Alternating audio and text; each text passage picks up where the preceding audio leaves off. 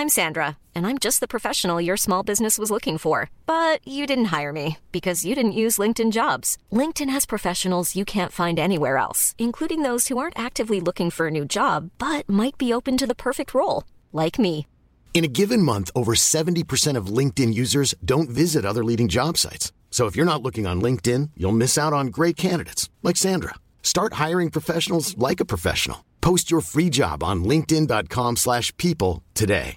Imagine the softest sheets you've ever felt. Now imagine them getting even softer over time. That's what you'll feel with Boll and Branch's organic cotton sheets. In a recent customer survey, 96% replied that Boll and Branch sheets get softer with every wash. Start getting your best night's sleep in these sheets that get softer and softer for years to come. Try their sheets with a 30-night guarantee. Plus, get 15% off your first order at bollandbranch.com. Code BUTTERY. Exclusions apply. See site for details. Everyone knows therapy is great for solving problems, but getting therapy has its own problems too, like finding the right therapist, fitting into their schedule, and of course, the cost. Well, BetterHelp can solve those problems. It's totally online and built around your schedule. It's surprisingly affordable too. Connect with a credentialed therapist by phone, video, or online chat, all from the comfort of your home. Visit betterhelp.com to learn more and save 10% on your first month. That's BetterHelp, H E L P. Nog maar vier dagen scheiden ons van de bekerfinale tegen Mechelen. En wij van de Vierkante Paal doen deze week een extra effort om elke dag een podcast te brengen. Normaal gezien hebben we enkel fans of mensen met een Antwerp hart te gast. Maar vandaag hebben we twee analisten over de vloer, twee mannen van over het water. En nee, niet van Kruijweken of Bornem. Ben Jackson is British, Scott Coyne is een Scotsman. Zij zijn host van Belgian Football Podcast en dus zal deze podcast in het Engels zijn. Bij mij is ook nog altijd our own Bob the Young. So welcome to the Square Post episode 258.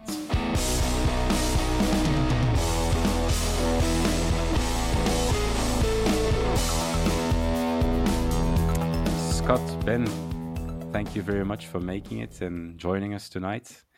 Uh, for the people who don't know Belgian Football Podcast and yourselves, uh, feel free to briefly introduce yourselves and what you do with your with your podcast.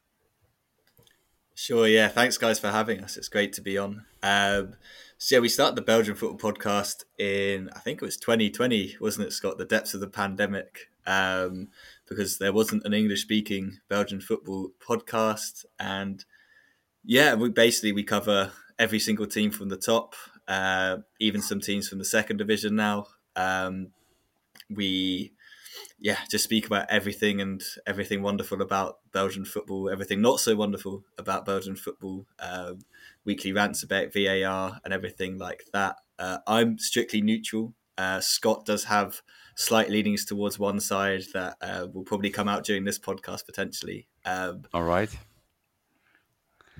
What what what makes a, a Scotsman and a Brit so interested in in Belgian football of of all competitions you can choose from? you get the Premier League right there. You have no idea how many times we get asked this question by people, and there's, actually quite a good story behind this. Obviously, you know, people won't know this, but Ben used to write uh, tactical analysis analysis pieces for um, uh, total football analysis, tactical football analysis on the Pro League specifically. And I think, you know, Ben's thinking when he started the BFP was to, to, to use the pod as a way of kind of uh, thinking through his articles. Um, and talking about his own love of the Pro League. And I've always liked Belgian football, uh, always had a, an interest in it, partly because I, I, have a love of Belgium as a country and Belgian culture. And I've been lucky enough to, to do a fair bit of travelling in the country as well. So I've seen I've seen a good chunk of it and, and kind of love it. So my love of Belgium and my love of football were bound to get, come together at some point. And very luckily, just by chance, I came across uh, Ben's first couple of episodes, which was basically just Ben talking to himself on his bedroom floor, I think, about you know what was happening that weekend. And I got in touch and left him a, a little message and said, "Look, this is great. I'd listen to this. This is brilliant." Um, and very quickly, Ben got in touch with me and said, "Look, do you want to kind of come on board?" And I thought does he want me to come on as a guest and talk about my love of Belgian football? But actually, he's like, no, let's let's build this and see what happens. And mm-hmm. uh, Joris kind of came along at the same time, and things have kind of exploded for us, haven't they, Ben? You know, nobody is covering Belgian football to the extent that we are anyway in English, and very very quickly we've become the go-to place for coverage of Belgian football in, in English. So much so that mm-hmm. um, we now field inquiries, you know, different kinds of media inquiries as well. All right. Um, you know, and, and we've been on the radio in the UK talking about the Red Devils and you know uh, other Belgian club teams at various points. You know, Union Saint Gilloise, uh, European adventures, and, and, and things like that. So there's there's a massive appetite for what we do, and we're just having a having a great time. You know, sharing our love of Belgium Belgian football with the rest of the world. And I gotta say, you two, I'm a I'm a frequent listener of the podcast, and I gotta say, you two know way much more about Belgian football than I do. you, know, you know, of every team, you know, every player, how they play, what tactics that they use. It's it's quite impressive. I, I gotta say, I know a lot about Antwerp, and I know some of Bruges and Anderlecht and, and Union Genk, but I don't care about Ostend. I don't care about. but you, you really know these teams. Uh, pref- uh, uh, yeah, you really know them. You get you figured them out, and you gotta say that's quite impressive. So that's why I really wanted you to to be on board for this episode and to uh, preview next Sunday's game. A small a small side note as well is that it's kind of a running gag that Bob uh, introduced itself himself into the podcast. Uh, he doesn't know anything about football in general. True um, story.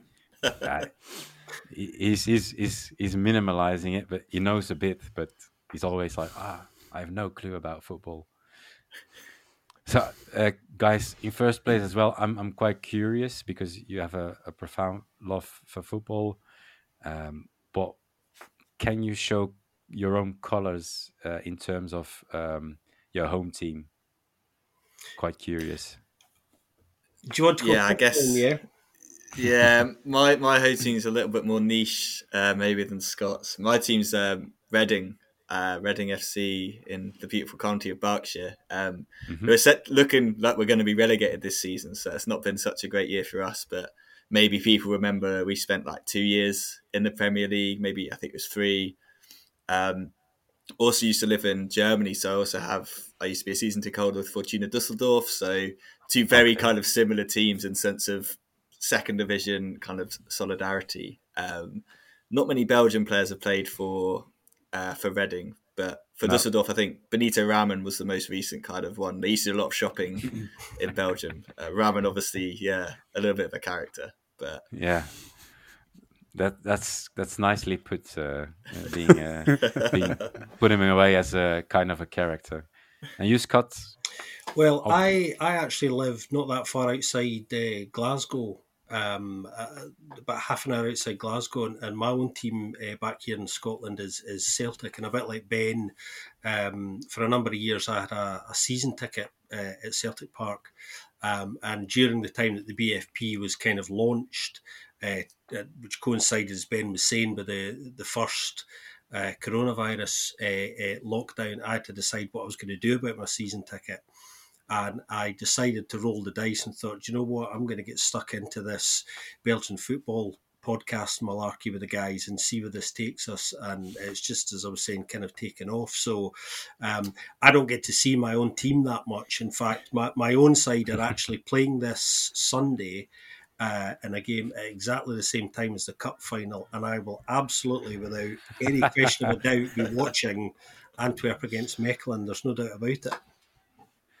Speaking with real, like uh, a real heart, and then and then as a real professional, you're going to choose your love of Belgian football above the love of your home team. That's beautiful. Where, in fact, you're going to watch the game? Any any specific plans? Well, um, we, we did talk a while ago about actually trying to get to the game. Um, we've been quite lucky since we started the BFP in, in developing a lot of really good connections inside clubs, both in the Pro mm-hmm. League and, and in the Challenger Pro League.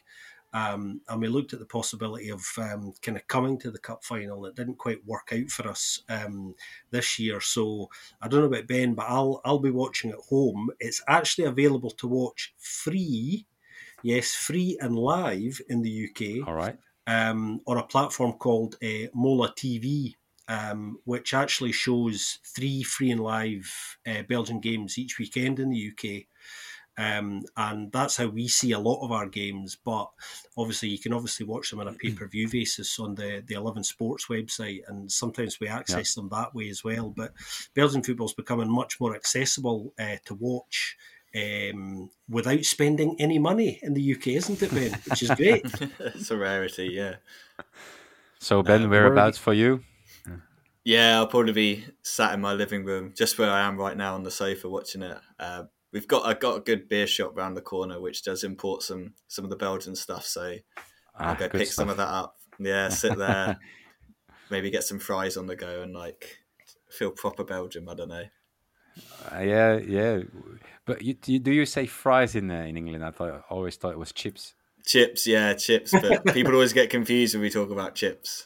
Like, what do you mean? Why are you having chips? It's not the same. All right, yeah. So crisps and chips. Uh, we're not we're not going to talk about that. Obviously, um, we're here. We are here, in fact, to to talk about the cup final. You guys already explained your uh, follow Belgian football, even the Challenger Pro League, which is yeah similar to yeah the championship for you. Or it's the first league beneath the the top the top flight. Uh, even the cup, you have followed the path uh, of Mechelen and also from Antwerp. So if you compare both um, campaigns, how do you compare it, and what were your first thoughts of the two finalists we have uh, on Sunday? Yeah, I think, I guess, obviously being on your guys' podcast, maybe sounding a bit biased, but obviously your semi final was the difficult semi final, wasn't it? The Union game, like I think we always, I, Scott probably agree. We always felt like whoever was going to win that was probably going to win the final. It felt like that was the, the possibility that it that was kind of the final before the final, um, in a mm-hmm. sense. And I think if you'd asked me a couple of weeks ago, I was like, I think I'd probably put you guys down for another kind of five 0 uh, because Mechelen had just kind of they'd checked out of the season. They were done. They'd finished. They were kind of just coasting towards the cup final. But the last two games I've been surprised that they've actually decided to start playing. It's like they've suddenly switched it on, um, and they've they've got kind of some of their players back fit as well, which I think is massive for them because that's just the way that squad is. They're so dependent on Rob Schoofs and, and Jeffrey Hairemans. They're kind of the two. Obviously, you guys know a lot about Hairemans from the past, um, and he's having his best ever season this year, which is just absolutely ridiculous at the age that he is. Kind of he's kind of rolling it back again. Um, so I'm looking forward to it a lot more than I was um, because I thought Mechelen were just going to get cooked. Uh, but even against, I didn't even fancy them against Zulte Waregem. To be honest, I thought I thought Zulte would probably win that one. Um, so I was quite surprised that they did actually make it through with the team that they kind of have put out and with Steven Defour. I know Scott obviously has a slight more leaning towards Mechelen, so he's probably watched them a little bit more closely than I have. Um, but yeah, I think you guys had the more difficult path for sure and I think Mechelen is kind of a symptom of their season. They've they've got there, and you just don't really know what's going to happen with them. You just don't know what Mechelen's going to turn up. Um, mm-hmm. It could be a terrible, terrible Mechelen performance, or they could actually rise to the occasion. I think um, I think Antwerp have, have, definitely kind of done this the hard way. You know what I mean? They've they've absolutely earned the right um, to be to be in the final this year. You know, they had a very difficult game against Beveren as well um, in which, of course, former favourite Dieumerci Mbokani uh, stepped up with a couple of goals, um, which helped that go all the way to, to penalties. And that, that, that was quite a tie. Um, and then obviously playing Standard and, and, and Genk as well. Um, no easy games, which you made look very easy actually. Breeze past yeah. both of them in the end. And then there was that, as Ben was saying, that really hardly fought uh, semi final, uh, which went to penalties. Um, as well. So you've absolutely earned your right to be there. And you're on amazing form at the moment, you know, and I've been having an amazingly kind of consistent season. Um, mm-hmm. Ben Ben alluded to my slight soft spot, you know, in terms of Belgian sides. If, if I have a soft spot for anybody, um, I do have a soft spot for, for Mechelen for a whole host of reasons, uh, which I will share with you, since we're talking about you know Mechelen um, and in, in the final. Um, All right. Uh, my partner actually has some Belgian ancestry, believe it or not, which goes back Mm. to, to, to Mechelen. And it's one of the reasons why I've spent a fair bit of time in, in, in Mechelen, was actually over there recently for a few days. Um, you know, some family history that, that, that can get traced back to, to Mechelen as, as, as a city. So I've got to know Mechelen kind of quite well, as I have Antwerp, with them not being very far apart um, at all, of course. Um, so I, I, do have a slight soft spot for for for Malinwa uh, for a number of reasons. Uh, I've met some some Mechelen fans as well, um, whose kind of company I, I kind of quite enjoyed.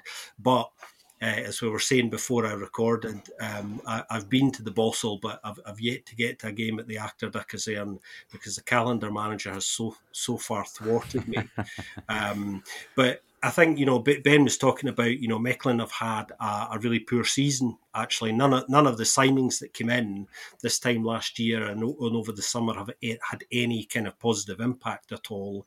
They've had no consistency going at any point. They've been very unlucky with injuries, and it's just been a bit of a nightmare season for them. It was always going to be difficult after Wouter Vrancken left. I think. I think they knew that, yeah. but I don't think they necessarily expected it to be quite as poor a season as it has been. And actually, they've only really escaped getting dragged right into a relegation battle by the skin of their teeth, to be honest. Um, so they, yeah. they have a big summer ahead of them. Um, I think the worry from Antwerp's point of view is obviously this is a free hit for Mechelen. The season's been so poor. The message for them on Sunday will be look, go out there, play your game, express yourselves, and enjoy it because you can wipe away um, what's been a very poor season by by winning this, and obviously that's the that's the thing that that Antwerp have to watch out for, um, yeah. because I think everybody's assuming because they are rightly hot favourites. Um, that this is going to be quite easy for them, but we know what finals are like. You know, often the winner is the side that copes best with the nerves on the day, um, and we saw in recent years um, Anderlecht have um, choked as we say here, you know, on on, on the big stage um, against Ghent um, as well. So it's really going to come down to I think who who can express themselves better and, and who holds their nerves because it's that old cliche. It's it's it's a one off game, isn't it? Yeah, mm-hmm. true that. With all that said, Bob he prepared five bold statements on which we would like to see your opinion or your thoughts about. First bold statement well, we already kind of answered it, but first statement Antwerp is the clear and obvious favorite for Sunday's game. Yeah, I think kind of like I said, I think a couple of weeks ago, 100%, I'd have been like 99% Antwerp, 1% Mechelen. Now I'm probably like 80% Antwerp, 20% Mechelen. Um, I'm giving them a little bit of a chance just because, like, you just don't know. Like Rob Schoofs could score like a stupid goal from thirty yards, or he gets like a deflected goal from thirty yards. Like he just has that in his locker where he can just pick the ball out of nowhere. They get a dead a set piece. Jeffrey's got a good set piece delivery on him. David Bates heads it in like he did against Anderlecht or something like that. Like just something stupid could happen. Um, but I'm kind of yeah, I'd agree. I think Antwerp are hot favourites. Just mm-hmm. no injuries in terms of like key players and stuff like that as well. Like that should be a massive worry. Yeah, they've been defensively very, very strong as well this season. Um, you know, right since the beginning, and like in all games, uh, another cliche again here, folks. But you know, I think the first goal is going to be very important. I think if Antwerp score yeah. first, it's going to be very difficult for Mechelen because they'll then have to come out more and, and, open up, and that's going to leave more space, obviously, um, you know, for for Antwerp to exploit. So um, it's it, first goal is going to be really important. That was actually my third statement. Uh, if Antwerp scores first, they win. Is that? Yes, I, I, I think so. Yeah, barring something extraordinary. Uh, and Ben's yeah. listed what those things might actually be. uh, those, those amazing things. Mm. honestly, honestly, everybody, we didn't know the questions in advance. we have no crystal ball. Um, yeah, I, I, think the first goal. Yeah, yeah. If Antwerp score first, I, I think they will go on to win. Yeah, yeah and I think so. So I think yeah, ahead. just on that no, no, one. Go ahead. Um, I think if Antwerp score first, I think what you have to that that will kind of win you the game is the midfield. I think Mandela, Keita, and Vermeeren, and if those two are starting in there, that that is such a good strong midfield in terms of like just kind of keeping teams out and stuff like that. I just don't see again. I've mentioned Schoofs. He's probably the only one you're kind of worried about in that midfield for Mechelen that's going to do anything because I, I believe for starters can't play anyway, so they're not going to have him in there. Like I don't even know who else they're going to stick in there. Mrabti, like he's not really kind of good in central areas in the central midfield area sort of places. I don't think he's going to be as effective. So I think that, that those two, and then obviously Alderweireld at the back. You just think with his kind of intelligence, who have Mechelen got up front that's going to really should really worry him at the moment. Like Ngoy's inconsistent. Um, Malede's probably not going to start up front. De Cruz, like he can do some things, but I don't see him as an out and out striker. So I think it's yeah, like we kind of said, yeah, Schoofs or Hairemans has to pick something out of the bag if they go one 0 down. Mm-hmm. Speaking about the midfield, um, earlier this week we were talking on our podcast, and I don't know, I don't recall who who said it, but someone said uh, that our midfield, Antwerp midfield, Keita, Vermeeren, stinks. Ekkelenkamp is the best in the league. Would you agree? Ooh, yeah, that's a good question. Well, Genk is also pretty with with Heynen, with Hrosovsky, Thomas at uh, Union. Union, um, Union yeah, Unions. I I really like their. I love like the Teuma Lazare, and I think like um, Lynen probably gets a little bit passed over because those two are so dominant. I really like their three. There's some good midfields in that kind of top four sort of area. Um, on paper, you'd think Club Brugge should have a good midfield three, but it doesn't really seem to be working out how they want it to. Um, but yeah, I, I wouldn't be bold enough to say that is the best midfield in the league, but it's definitely up there. And to to further jump on that, so you you guys are fully aware that Mandela Keita, we've got him on loan from from Leuven, from uh, OHL. Can you understand why a guy like Mandela Keita didn't play in the first place on the OHL side, and then? No, it's I never understood it. I absolutely don't understand what. When then Beers like they left. He left, and Beers was like, "Oh, I'm I'm so annoyed he's left." It's like, well, why didn't you play him then? Like, what were you doing? He'd much mm-hmm. rather play Casper De who was like a left midfielder in central midfield. He'd rather play Siebe Schrijvers, who was a striker in central midfield. Like, yeah. He just put all these other. Players. He'd rather play Malinov than Keita. Oh. It just makes no sense. He plays Joren Dom up uh, central midfield. yeah, yeah, Joren Dom. Like well, well, crazy. we all know that Joren Dom used to be a very lousy goalkeeper for Royal Antwerp. So,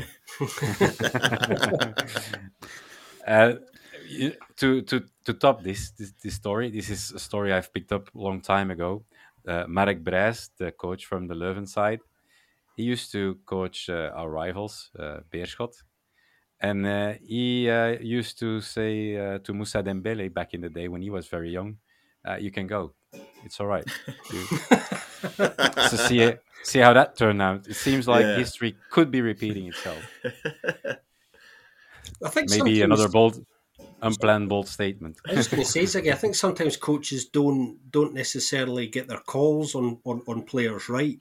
I mean, you Maybe. know, eh, Ben's right. We talked about this at the time. You know, we were surprised that, that, that Marc Brys said, "Oh, I'm, I'm frustrated that he's he's gone out on loan because I kind of wanted to keep him. Well, he certainly didn't show that. Do you know what I mean? Because he wasn't, as Ben was mm-hmm. saying, kind of getting the game time. And then we know inside clubs as well that you know technical directors or sporting directors. Um, have a huge amount of um, sway now as well. So sometimes in some clubs you don't always know who's actually making decisions like that as well. So it's, it's difficult to, to kind of pinpoint why why that might be. Um, but it's certainly been to to kind of um, you know, Antwerp's uh, gain, that's for sure. Okay. Second statement we all we also have uh, get uh, an answer f- for, but let's let me just throw it in. Mechel has gained new confidence after the draw against Ghent and the win in Anderlecht. Yeah, like you said, Ben, like three weeks ago, they were gone. Yeah, they were yeah. just coasting through and I don't know if that's been if they planned to kind of do that. If they were like, we'll just try and ramp it up again two weeks out, because it's not like players have come back in and it's suddenly like, oh, we've got these players back, we're starting to play again. I just, yeah, I think they definitely have. I think, but then again, kind of like seeing kind of the fan reaction. I didn't watch the game against Anderlecht, but it sounded like they could have been could have been out of it before half time. They get those two goals, and then it's like, oh, okay, suddenly we'll start playing again. But I watched their game against against Leuven, obviously, when they just got absolutely hammered, and I was like, what what is this? Like the defending was terrible. Coucke, like I think I said it on our podcast, he started with like a reasonable amount of hair, and by the end of the game, he'd lost like a lot of hair. Like he had this massive bald patch just like growing on the back of his head. Um, and he's like he's another one that you kind of think he needs to have a big game as well if they're going to do mm. anything in this because he hasn't had the season he had last year where no. people were like this guy is good enough to go like i just don't think anyone's talking about him leaving at the moment which is interesting because last year it was like he was even saying I'm ready to leave, and now it's like, well, you're not as good as you were last season. But yeah, I think you're right, Bob. I think they've definitely taken confidence from that, which is good as a neutral for the cup final because, there, like we've been saying before that, it was just kind of it didn't feel like a cup final that was coming up. Yeah, I, th- I think they needed they needed to get back on it again. I think because there were some really worrying signs, as Ben was saying, that you know, you know, yeah, they they'd gone, and I think it was typical of their season actually uh, has been you know to, to, to have gone on some pretty dismal runs and then it looks like they're starting to turn a corner um, and then it happens that they're they're not again but interestingly the, they, they haven't scored against Antwerp this season so um, I suppose hopefully from their point of view this this will be something that Defour is reminding them that they've kind of got a point to prove um, in a way, and that, that's that's the danger for Antwerp as well. I think mm-hmm. that you know a side that they've beaten uh, pretty convincingly in two previous occasions this season, and you know haven't scored against them. You know, um, you know, want to be able to go out there and show that you know they've they've still got something. Um, it's going to be interesting the first twenty minutes this game, I think, um, to see how uh, Mechelen start this because I, I, would expect them to try and start quite hard and fast as as traditionally they like to do. Um, they've not been doing that much of that this season, but I think if if things are going to go well for them. I think they're going to have to start the game well in that sense and, and not allow Antwerp, I think, to um, make their mark in the game physically. You know, Antwerp have been very good at controlling games that way. Um, and, and I think if they don't do that, then there's a chance that Antwerp will really be able to kind of set the tempo and, and dictate uh, the, the, the, way that this game pans out, really. So you don't expect uh, Sunday's game to be closed and to be really tactical, and you expect two teams to go right ahead and, and try to attack us as much much as possible. I think so. I think I think the first quarter of an hour might might be quite tight as both sides feel each other out. But this this is the hallmark of, and I said this last year. Actually, I was spectacularly wrong about the cup final. I felt potentially there was quite a lot of goals in last year's one, and there wasn't. Um, but you know, we've got two sides this year who who play good attacking football, um, and and and are open um, in their play at, at, a lot of the time. So it could potentially, and that's just my caveat because of what I said about last year's game. That um, you know, I, I, feel that there's goals in this, um, but both sides have to go out and relax. I think you know, I mean, if mm-hmm. if this goes all the way to to penalties and is quite a tight game, it'll be because neither side, you know, wants to express themselves. Um, mm-hmm. Really, really interesting psychology, though. You know, like I was saying, the, the one side who really have been cruising very strongly uh, all season, very consistent, and have every reason to be very confident going into this. The other side um, know they've got nothing to lose and have had a very poor season, so um, you know they'll just be hoping that they can kind of turn up and, and, and give their best in the day. But it's set up set up to be really interesting, I think. You want to take another statement, Ziggy? Yeah, sure. If Mechelen scores more than once, Antwerp is in trouble. Oh, that's a good one. Um, I think it de- it really do, yeah. I guess it kind of depends when they score. I think if they score two within the first ten minutes, I think you'll be okay because I think that's far too long for Mechelen to keep any team out. Like they're just not going to do that.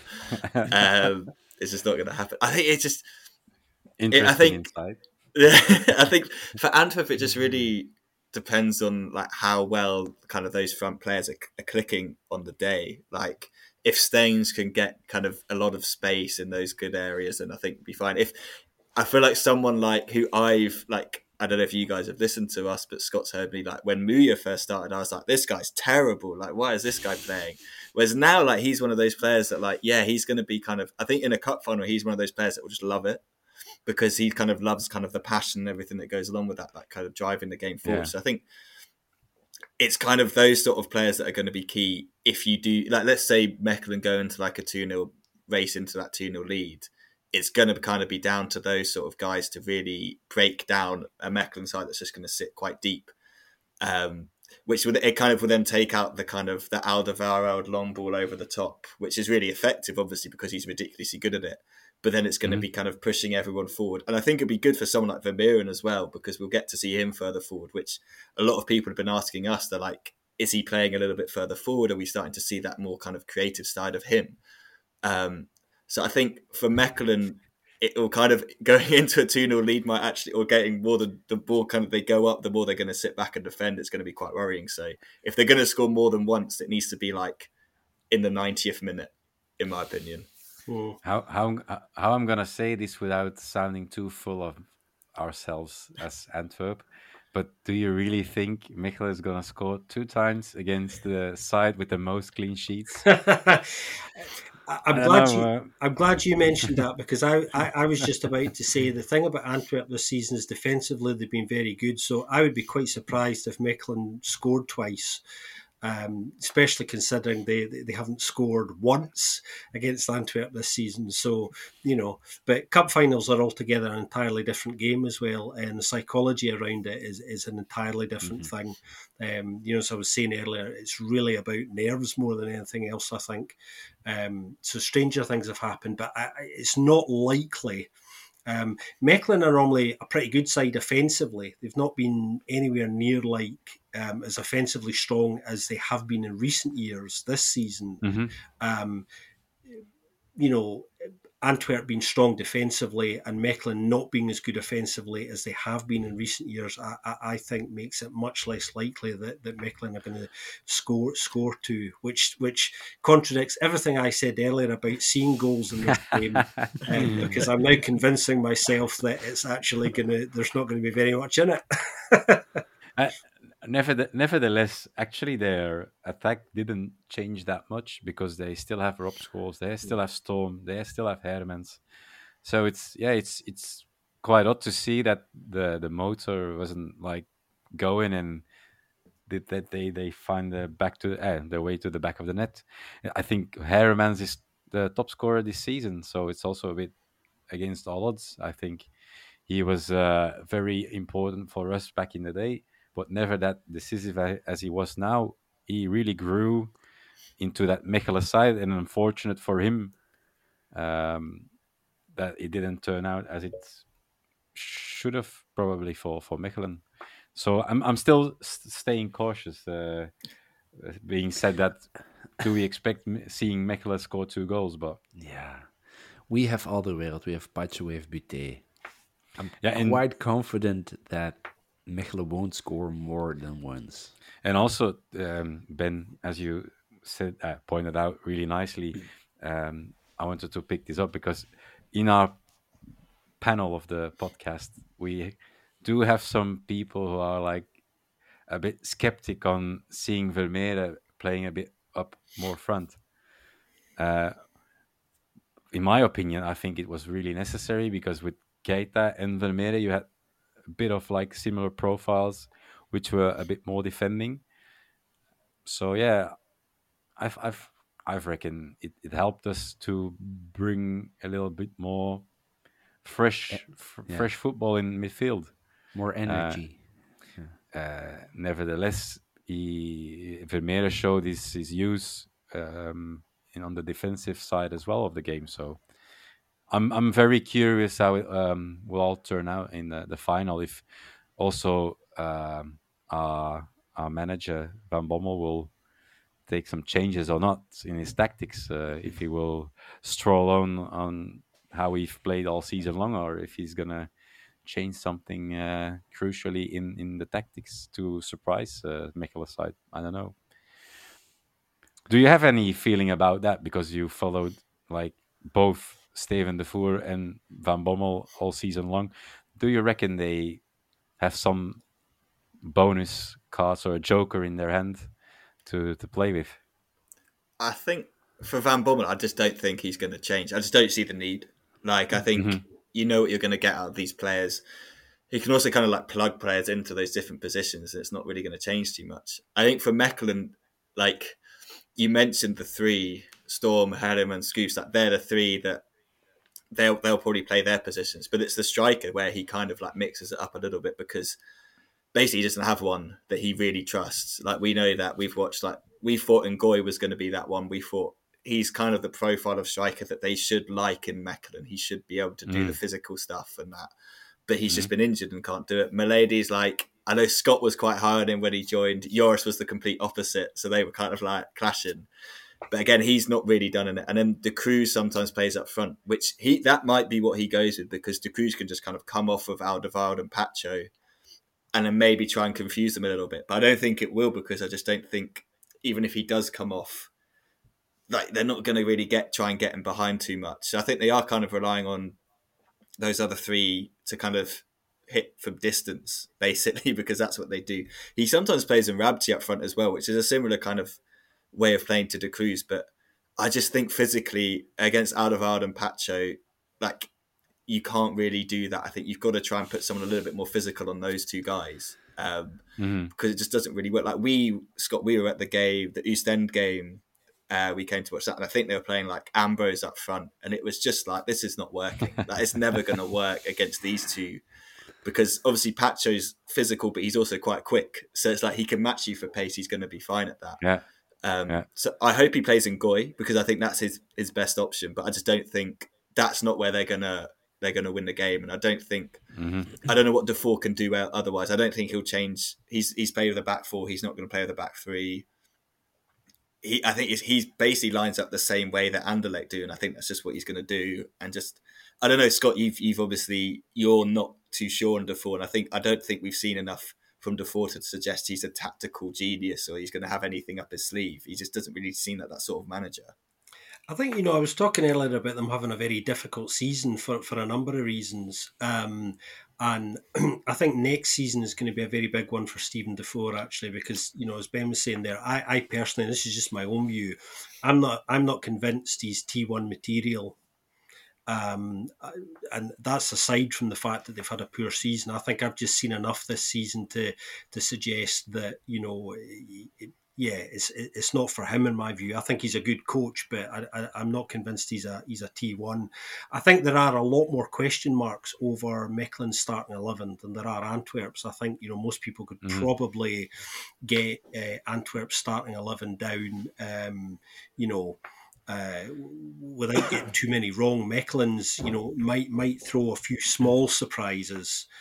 Um, mm-hmm. tactically in, in, in, certain certain positions, but Mechelen are going to be very reliant on three potentially four players, um, all playing at the top of their game if they're if they're going to win this as well, um, and that's not something they've done too many times this season. Um, so that's going to be going to be really important for them. You know, Ziggy mentioned Arthur Vermeeren actually earlier. Just in him, you know, that that point about him playing f- further forward, I think, is actually quite an interesting one because obviously there's a lot of clubs looking at him at the moment. Antwerp tied him down in a contract, a new contract, not too long ago to protect their investment wisely. So, should anyone come calling, it'll have to be a significant fee. I think the point about him playing further forward I think is is uh, twofold. I think Mark Van Bommel's done that recently to encourage his game to develop more, and I think they know uh, that you know should should a club from a top five league want to come in for him at some point, then they're going to be looking, I think, at him in a more offensive sense than anything else because that's that's going to raise his profile and his potential fee even further as well. So I think mm-hmm. that's got a lot to do with why he's being encouraged to push a little bit further forward because as Ziggy was saying, his profile is very very similar to Keita's as well, and you know giving one of them the initiative and the license to go look, you know, get forward a little bit more, uh, break lines, um, you know, take some shots uh, I think I think is important. Um, and at his age, I think that's the one thing he needs to be encouraged to do because obviously he's he's a little bit younger than Keita, not by much, mm. but. No. Talking about the 11 names on the Antwerp squad, I think it's pretty obvious. You know, you got Butez, Alderweireld, uh, Pacho, Vermeer, probably Keita, Stengs, but it's it's the backs and the wingers. That is, um, who would you put if you were uh, Van Bommel in, in Mark Van Bommel? Oh yeah, I think I'd probably go Richie uh, for mm-hmm. a cup final. I, I, think he's he's the sort of player. It's just the more leaders you can pack into a team, I think the better. I think you stick Richie out there. Um, uh, on the other side, probably Jelle, maybe Jelle Bataille. I don't know over him or Vines. I'm not. Avila just kind of concerns me massively in a cup final. Like he will get in a fight with someone and he'll get sent off. Yeah. If if the starter was playing, he'd get in a fight with him, hundred percent. He'll probably get yeah, in a fight sure. with Steven Defour. Like he's he's getting in a fight. Like I can't remember what game was it against Anderlecht. Like I remember who is against Genk. He was just getting in fights with um, Preciado the whole game. He just loves loves a scrap. So definitely not him. He's he's not getting on. He's not getting on the pitch for me. Um, yeah. The wings, probably yeah. I'd, i think earned the right to start. I think he's mm-hmm. he's been pretty good over the last couple of games. I guess then the last one, are you thinking Balikwisha or Kirk? Is that kind of like? Mm-hmm. See, I like. I, I, I still believe in Balikwisha. I still believe there's he has like that ability in him to to, to do some stuff. like with Kirk, you can I guess with Kirk, you know exactly what you're going to get on the day. That he's just going to he's going to work hard. He's going to do what you want him in terms of working hard. But Balikwisha's got the X factor of he'll he could score a really really good goal at some point out of nowhere. Um, he may not do everything else that you want him to do, but I think uh, looking at kind of if we're matching up against the Mechelen fullbacks, whoever's playing on the right is probably going to have quite a like a, a good game uh, because at left back they're struggling. They just don't know who to put in there. Mm. Then you've got Sandy Walsh on the other side, who I think since he's come back in, maybe you could argue yeah. they've been a little bit better. Um, I've always thought Sandy Walsh is like a, he's a solid defender. Um, yeah, it's true. So I'd probably put Muja on him just to get tire him out, and then stick Balikwisha or Kirk on the right, and just kind of have a go at whoever's on there at left back for Mechelen. I don't honestly, I don't think it really matters who you play on the right hand side. Um, but yeah, that's kind of just. I'm free on Sunday. yeah, yeah, exactly. We'll put a corner flag on the right side. Yeah, I, I think that just about do it. Would you agree, Scott? Yeah, I was just going to say there's, there's, not a lot I would disagree with there. Um, I, I, think I think uh, Avila might start. Um, I agree with what Ben said about him. I, I, think he, you know, I think there are, you know, there's the potential for for some discipline issues, um, and I, I just think, you know, with that that grit that he's got, I think that might that might make him quite a good choice to start a cup final. Um, depends how Mark's feeling on the day.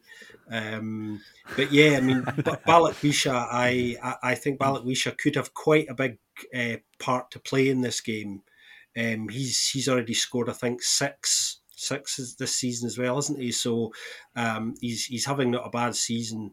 Um, and I, have liked what I've seen of him, and he's continued to develop kind of quite nicely. But I think Avila and, and Balikwisha we're, get, we're going to see at some point um, Kirk, I'd be surprised if Kirk started, um, just because he, he's not he's not offered too much so far. I've been a little bit disappointed by him, um, mm-hmm. as, as as have kind of most people. But he's he's certainly an interesting option to have.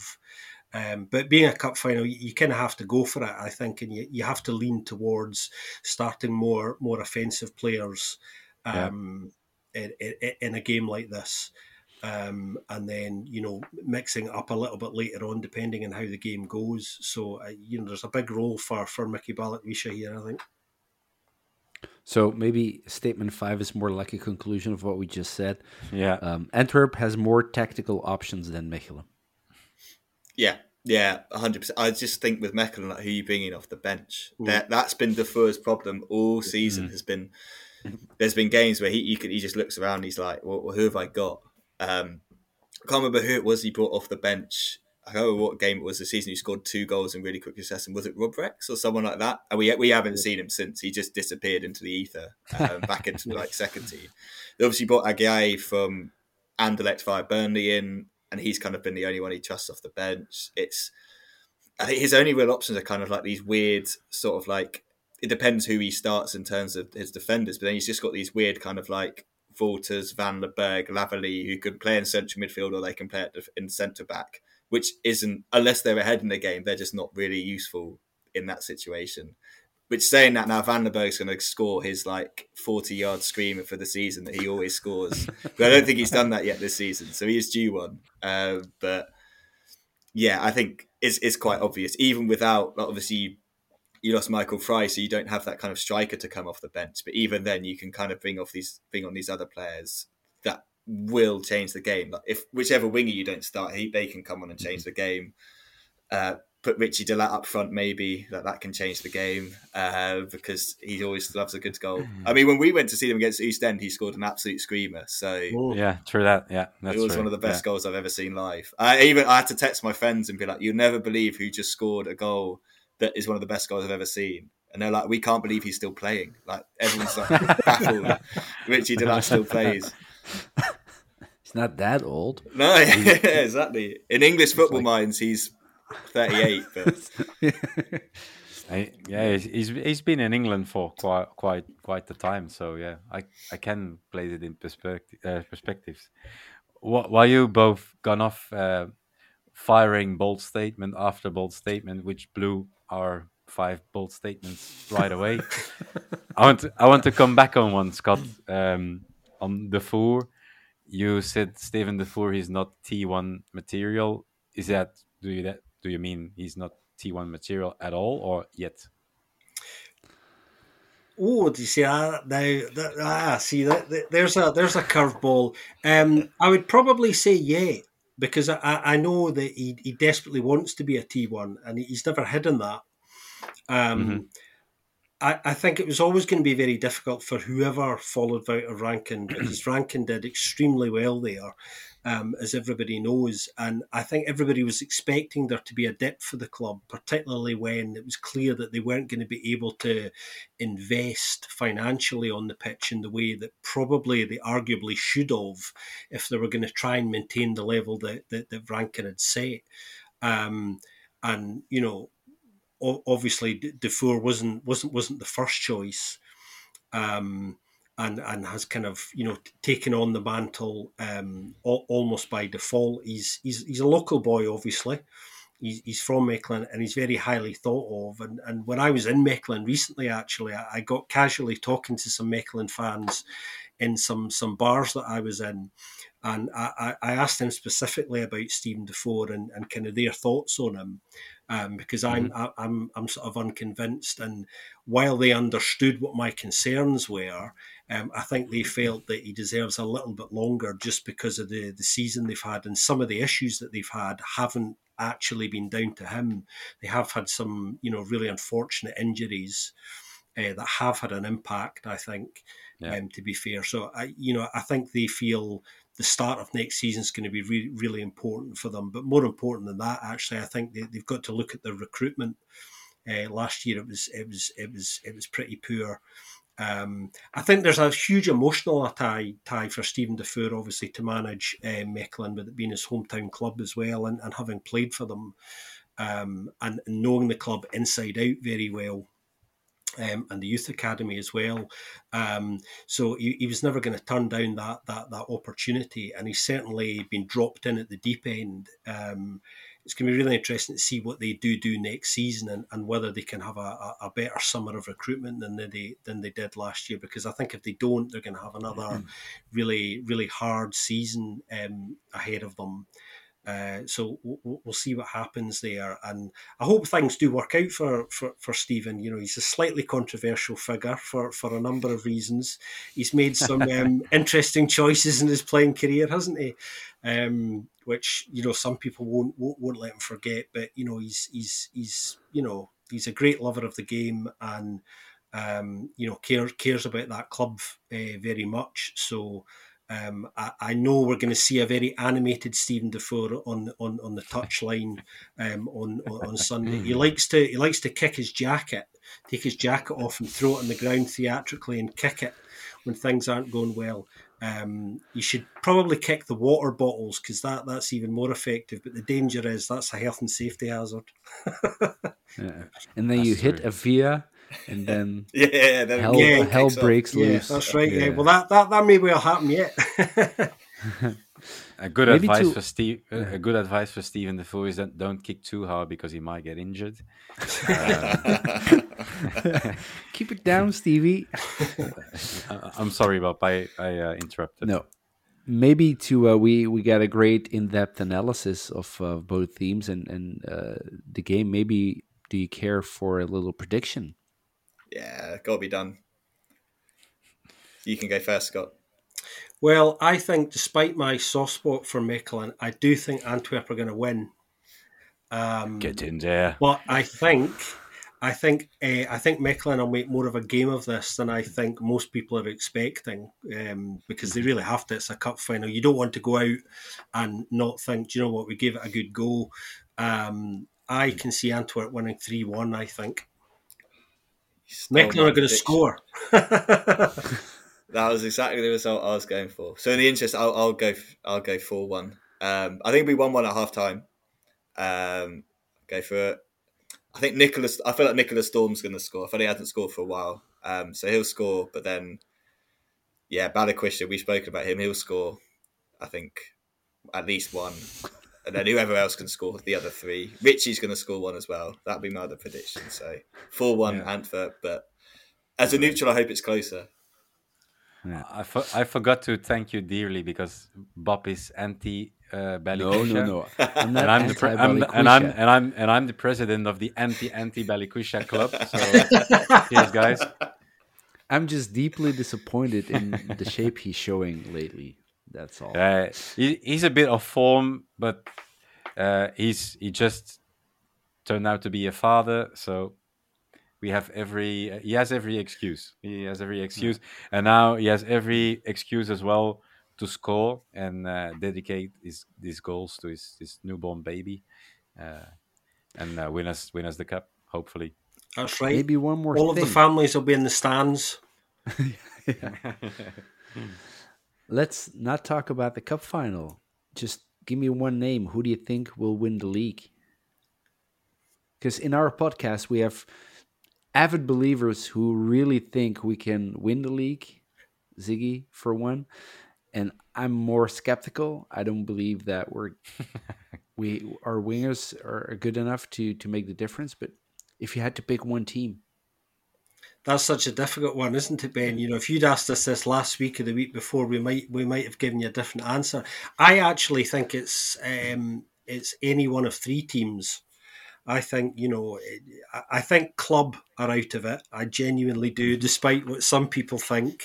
Uh, I think it's it's too big a too big an ask for them. Um, I do think Antwerp can win it, and I've been saying for ages now in the pod, and, and both Ben and Joris agree with me that they're absolutely in this. Um, the thing about Antwerp, I think, is they have this ability to to stifle sides quite successfully who play quite open, expansive football. So they've done very well against um, Genk um, and Union generally, and um, they're the one side who've actually been quite effective at stopping those two sides playing their their own natural game. Um, so I I think they are absolutely in it, and I, I can't really pick one between them at the moment um, because it is that close. Yeah, I'm I'm thinking it's going to be Union. I think they do it this year. I think they've just, for me, they've just got everything they need in terms of on the pitch and on the bench because they can they can have an injury at the back and it's fine because they've got like Makido or they've got uh, Sykes to come in, so that's fine. They're kind of fine there. In midfield, I think Puertas is a really really good player, and I think he's a really underrated player that can just come in. And then you look on the wings, they've got Obviously, they've got Lapoussin and Adingra. Like, you can play either of those, they're fine. Strikers, obviously, Victor Boniface, but he hasn't really done it in the league. Gustav Nilsson shouldn't score goals, but he does.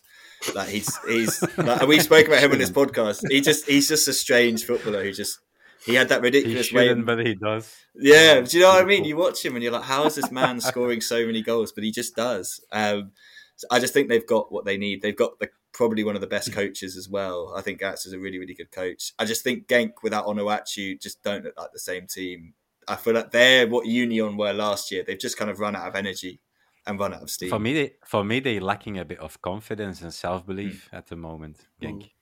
And Union, for me, the I think their biggest um, advantage is that the the the broad squad uh, in general is uh, used to play with each other since uh, their Challenger Pro League days. Yeah, and I think that's uh, that that will be the biggest challenge for us. I think, and not to um, lose some stupid points with uh, with uh, an away game in Genk, for example. We're all saying this, and now Club Brugge are going to win it, and it's going to be the most boring playoffs ever because all the other teams will just give up, and everyone will be really upset. But let's say Antwerp wins the league. Um, we invite you both to to Antwerp. Come to Belgium. Come to Antwerp. We'll have dinner. We'll we'll go out for drinks, and then you can celebrate with us. Yeah, I'm definitely. Let's do. That. Let's do Absolutely. that anyway. Yeah, yeah, yeah, anyway. yeah, yeah, Cup final, yeah, yeah. doesn't matter. Yeah, yeah. Um, yeah, I think we got it. Um, yeah. Thanks again for uh, taking the time and um, giving us the, that great analysis. What a delight! I'm, uh, an absolute delight. Yeah, thanks, guys. That was great.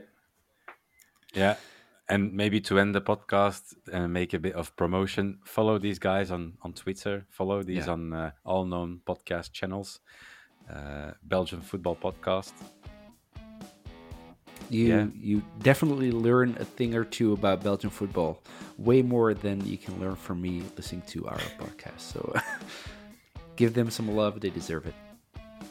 Scott, Ben, Bob, thank you very much, and uh, hopefully we'll speak and see each other soon.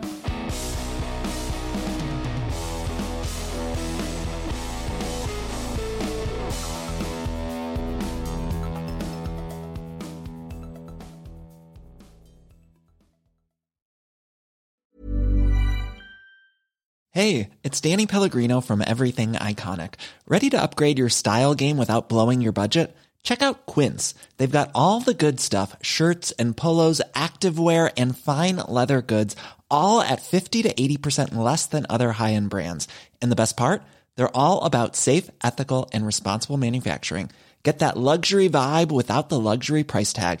Hit up quince.com slash upgrade for free shipping and 365 day returns on your next order. That's quince.com slash upgrade. Mom deserves the best, and there's no better place to shop for Mother's Day than Whole Foods Market. They're your destination for unbeatable savings, from premium gifts to show-stopping flowers and irresistible desserts. Start by saving 33% with Prime on all body care and candles. Then get a 15-stem bunch of tulips for just $9.99 each with Prime. Round out Mom's menu with festive rosé, irresistible berry chantilly cake, and more special treats. Come celebrate Mother's Day at Whole Foods Market. Planning for your next trip? Elevate your travel style with Quince. Quince has all the jet setting essentials you'll want for your next getaway, like European linen, premium luggage options, buttery soft Italian leather bags, and so much more. And is all priced at 50 to 80% less than similar brands. Plus, Quince only works with factories that use safe and ethical manufacturing practices. Pack your bags with high-quality essentials you'll be wearing for vacations to come with Quince. Go to quince.com slash pack for free shipping and 365-day returns.